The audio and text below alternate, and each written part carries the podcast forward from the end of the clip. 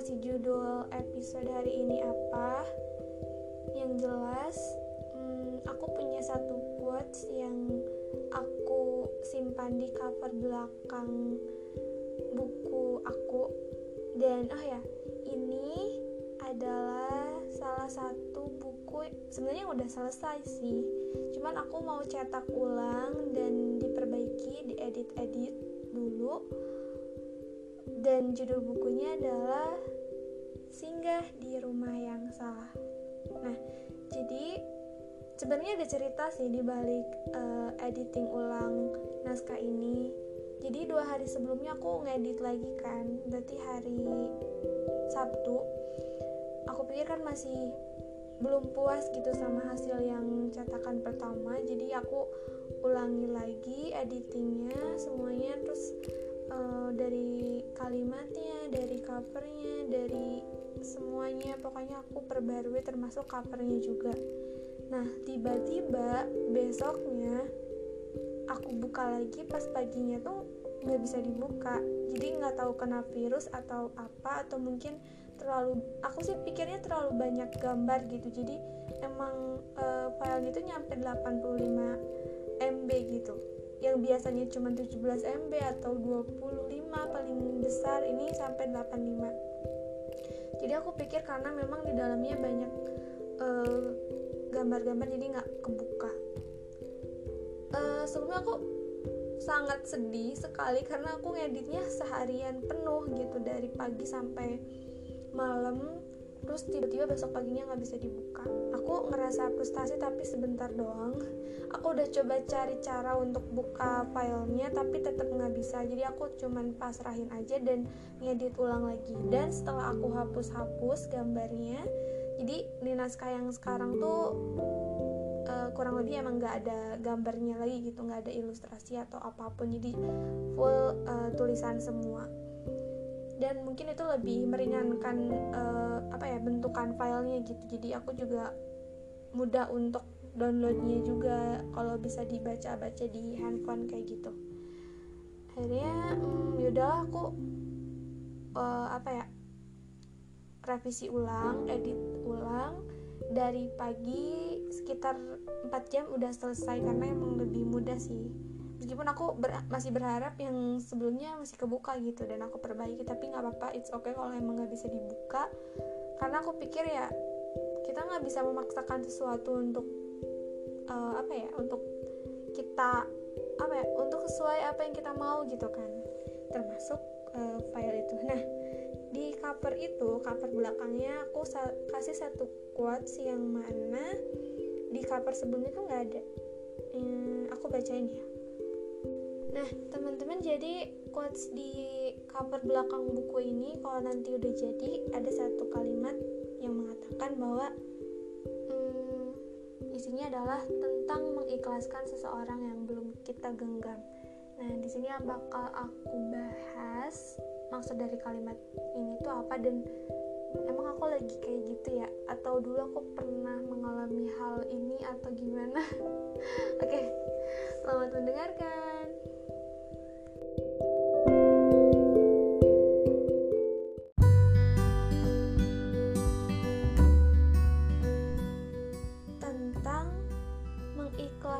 Seseorang yang belum kita genggam. Kalian udah paham belum maksudnya gimana? Poinnya gitu. ya. Ini tuh ya jelas menjelaskan seseorang. Maksudnya bukan benda, bukan makhluk seperti tumbuhan, tapi ya bisa diibaratkan seperti itu juga gitu tapi di sini aku bahasnya tentang manusia. Mengikhlaskan seseorang. Tentang mengikhlaskan seseorang yang belum kita genggam. Maksudnya ya orang itu belum kita miliki tapi udah pergi. Seseorang itu mungkin baru kita kenal, bisa kita suka juga, tapi bukan berarti apa yang kita suka tuh harus kita punya. Dan uh, kita juga tidak selalu harus belajar mengikhlaskan seseorang yang sebenarnya udah jadi milik kita. Tapi kita juga harus belajar mengikhlaskan seseorang yang sebenarnya dari awal pun emang bukan punya kita dari awal pun memang gak pernah punya cerita sama kita. Mungkin kita punya cerita sama dia tapi dia nggak ngerasa kayak gitu. Atau hmm, kita punya cerita sama-sama tapi kita memutuskan untuk nggak melanjutkannya. Tapi konteks di sini tuh belum sampai punya hubungan belum sampai ada ikatan. Jadi uh, kalau di quotes ini tuh lebih ke apa ya mungkin satu pihak aja. Di mana ada seseorang yang berharap akan seseorang yang lainnya tapi nggak bisa dilanjutkan karena ya beberapa hal beberapa alasan juga bisa kali ya. Uh, buku ini aku tulis sebenarnya isi tulisannya itu dari mulai tahun 2018 sampai 2022 jadi emang siklusnya nggak sebentar. Uh, aku pernah mengalami hal itu wow jelas sekali. Bahkan mungkin sampai detik sekarang kenapa aku mau bahas ini? Karena mungkin aku sedang mengalami hal itu ya mengikhlaskan seseorang yang belum kita genggam. Kalian pernah gak sih kagum sama seseorang? Bahkan orang itu aja nggak tahu kalau kalian tuh kagum. Kayak misalnya ya kalian suka diem-diem lah gitu. Nah kayak gitu. Ya aku juga pernah sih. Bahkan mungkin dari SMP kali ya. SMP aku pernah suka sama seseorang tapi ya jelas seseorang itu nggak suka sama aku. Atau mungkin aku nggak tahu orang itu suka balik nggak sama aku. Tapi dulu waktu SMP SMP ya aku tuh bukan tipe orang yang gampang mengungkapkan perasaan gitu sebagai wanita. Karena yang pertama mungkin gengsi yang kedua insecure. Nah mulai ke SMA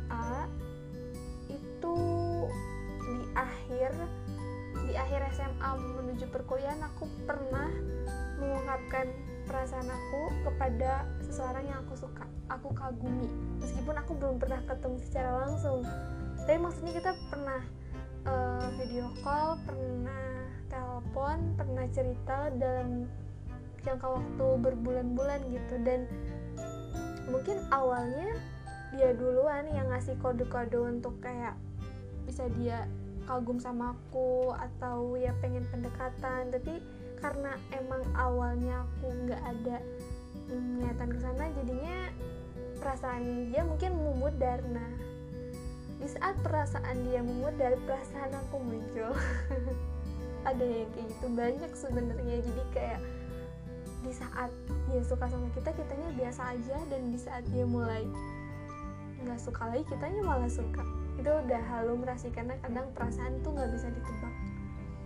Aku mengungkapkan perasaan itu dan akhirnya di bukan ditolak sih karena aku juga gak minta dia untuk membalas perasaan aku ya. Jadi aku ngungkapin terus dianya oke okay, ya udah tapi dia nggak nggak bisa suka balik maksudnya gitu. Uh, it's okay sih dulu nggak nggak sampai kepikiran sih karena waktu itu juga terbatas dan aku juga ngerasa kayak oh dia bisa menghargai perasaan aku bukan dengan cara membalas tapi ya dia dengan menjaga perasaan aku aja itu udah lebih dari cukup gitu.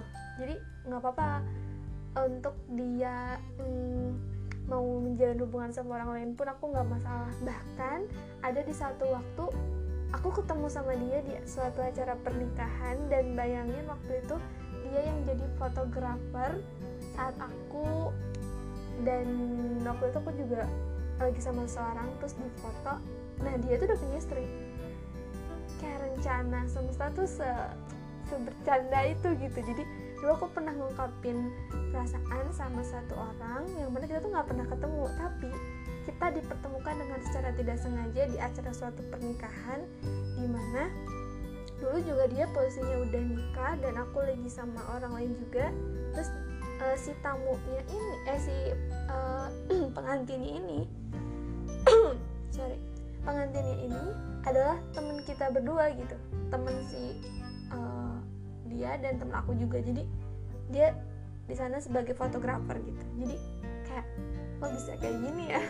Dulu itu SMA kemudian ada satu lagi sih. Itu yang aku ungkapin ya. Ada satu orang yang gak aku ungkapin. Jadi di akhir SMA juga aku pernah suka sama seorang. Dia itu tokoh yang sering aku ceritakan di buku aku juga kenapa aku suka sama dia?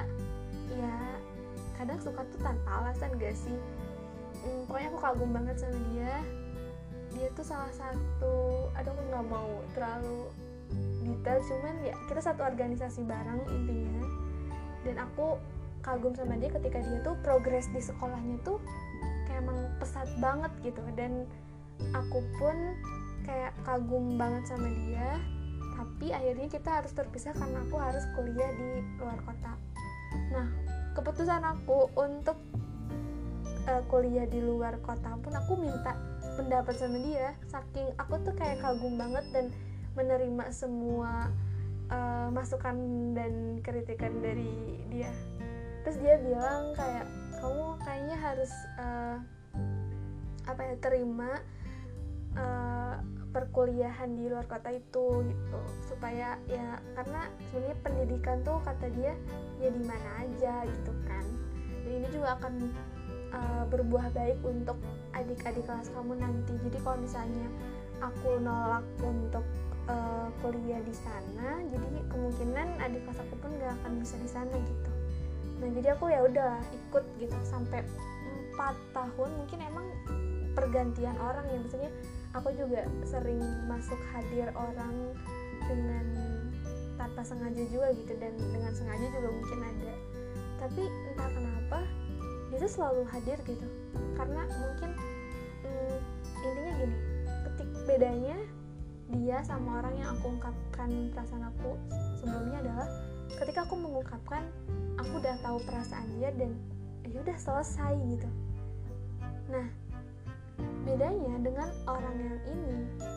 Karena aku nggak pernah berniat untuk mengungkapkannya jadi perasaannya tuh mungkin selalu naik turun tapi nggak pernah hilang. Mungkin memudar mungkin bisa nambah kuat tiba-tiba keinget lagi atau tiba-tiba lupa tapi ketika lihat storynya atau hmm, apa ya dia tahu aktivitasnya sekarang-sekarang tuh kayak ya jadi ingat lagi gitu. Kayak gitu. Dan mungkin sampai sekarang. Enggak sih enggak sekarang enggak detik sekarang. Mungkin hari-hari kemarin lah sebelum hari sekarang. Mungkin ambigu banget sorry. Nah uh, tapi aku tuh ngerasa ya aku emang suka diam-diam dari waktu SMA sampai aku lulus kuliah pun kayak perasaan aku standar aja gitu. Nggak terlalu berharap dan nggak terlalu pudar juga gitu tapi tetap ada perasaannya. Nah tapi karena aku di meskipun nggak terlalu berharap tapi tetap capek ya. Karena mendam perasaan selama 4 tahun itu nggak mudah. Sampai aku bikin pena aku sampai bikin nama pena terus dua buku tentang dia dan dia nggak ya nggak merasa ada dalam cerita itu ya karena dari awal yang buat ceritanya cuma aku gitu. Uh, sampai temen aku ada satu temen aku yang tahu tentang perasaan ini jadi dia itu salah satu temen aku juga. Temennya temen aku juga. Terus dia nanya kamu masih kagum sama dia? Aku bilang ya aku kagum tapi ya mungkin ini ya salah satu akibat yang diungkapkan jadi emang perasaannya nggak berubah. Tapi makin lama tuh makin sini makin berubah. Ketika aku udah wisuda kemarin aku tahu dia dia juga tahu aku wisuda. Aku juga berhasil dengan nilai pujian. Terus aku juga menerbitkan buku yang mana di dalamnya adalah sepatah dua patah kata yang menceritakan tentang dia. Tapi kayak dia flat aja. Bahkan hmm, menurut aku emang dia nggak pernah punya perasaan yang sama kali ya dari waktu SMA sampai sekarang. Itu sih yang bikin aku capek. Jadi akhirnya pelan-pelan aku menghapus perasaan itu. Bahkan dari satu mulai satu persatu akun aku udah nggak follow dia lagi. Dan aku juga memberhentikan dia untuk mengikuti aku karena ya dari dulu cuman aku doang yang follow dia gitu. Aku duluan yang follow tapi aku kayak nggak mau bukan kenapa kenapa ya? Karena ya ternyata memendam perasaan selama 4 tahun tuh nggak enak gitu. Meskipun emang besar harapannya tuh nggak besar besar banget dan hilangnya pun nggak nggak hilang nggak sampai lupa lupa banget. Tetap ada tapi nggak berkembang. Tapi itu juga bikin capek menurut aku sebenarnya ada satu orang lagi. Nah yang satu orang ini aku akan ceritakan di episode selanjutnya karena ini udah terlalu lama. Intinya tentang mengikhlaskan seseorang yang belum kita genggam itu apa ya? Ya kita harus belajar mengikhlaskan sesuatu bahkan yang emang nggak ada tanda-tanda buat kita gitu. Gitu aja sih. Oke teman-teman makasih sudah mendengarkan. Bye bye